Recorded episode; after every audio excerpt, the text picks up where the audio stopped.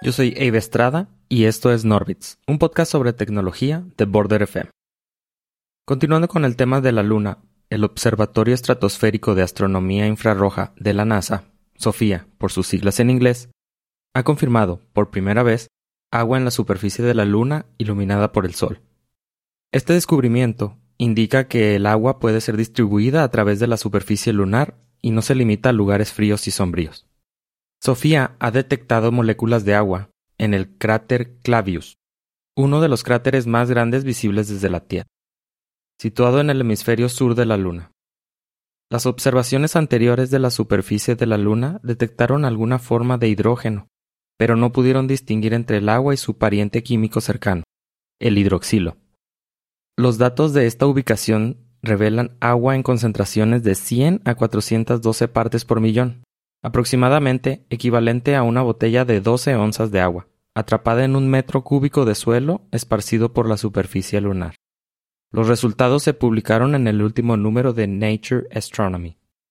Sin una atmósfera espesa, el agua de la superficie lunar iluminada por el Sol debería perderse en el espacio, dijo Honeyball, ahora un becario postdoctoral en el Centro de Vuelo Espacial Goddard de la NASA.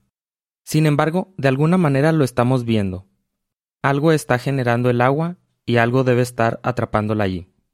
El agua puede ser entregada por micrometeoritos que aterrizan en la superficie lunar y llevan pequeñas cantidades de agua. O el viento solar, que sale del Sol, podría llevar partículas y elementos como el hidrógeno a la superficie lunar. Esto podría causar una reacción química con los minerales que incluyen el oxígeno del suelo. La reacción podría crear hidroxilo, que luego es golpeado por los micrometeoritos para crear agua. El agua en la Luna en forma de hielo se conoce desde hace décadas, pero en circunstancias muy específicas de algunos cráteres en el Polo Sur que nunca reciben luz solar.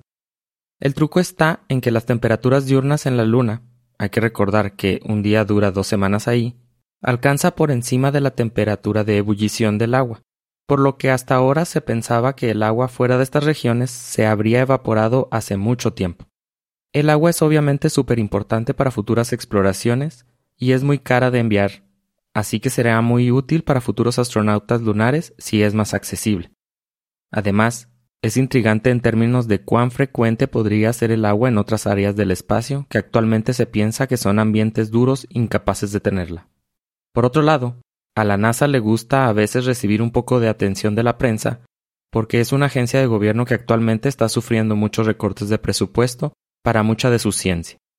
Específicamente, el SOFIA fue cancelado en el presupuesto más reciente de la NASA, y no es un instrumento barato.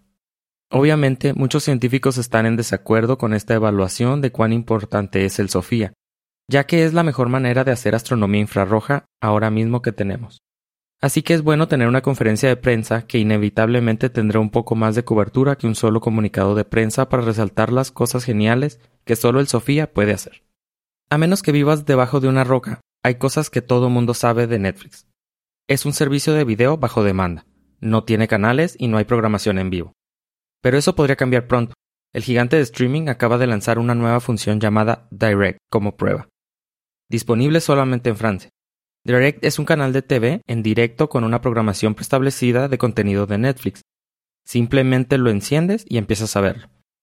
Técnicamente, Direct no es la televisión en vivo. Los programas que se transmiten a través de Direct se extraen del mismo catálogo de contenidos al que los suscriptores franceses de Netflix siempre han tenido acceso.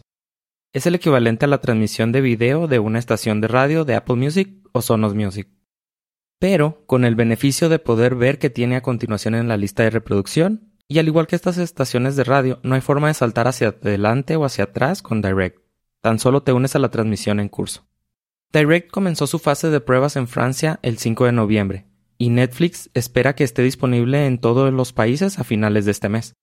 Por el momento es una función exclusiva de la web.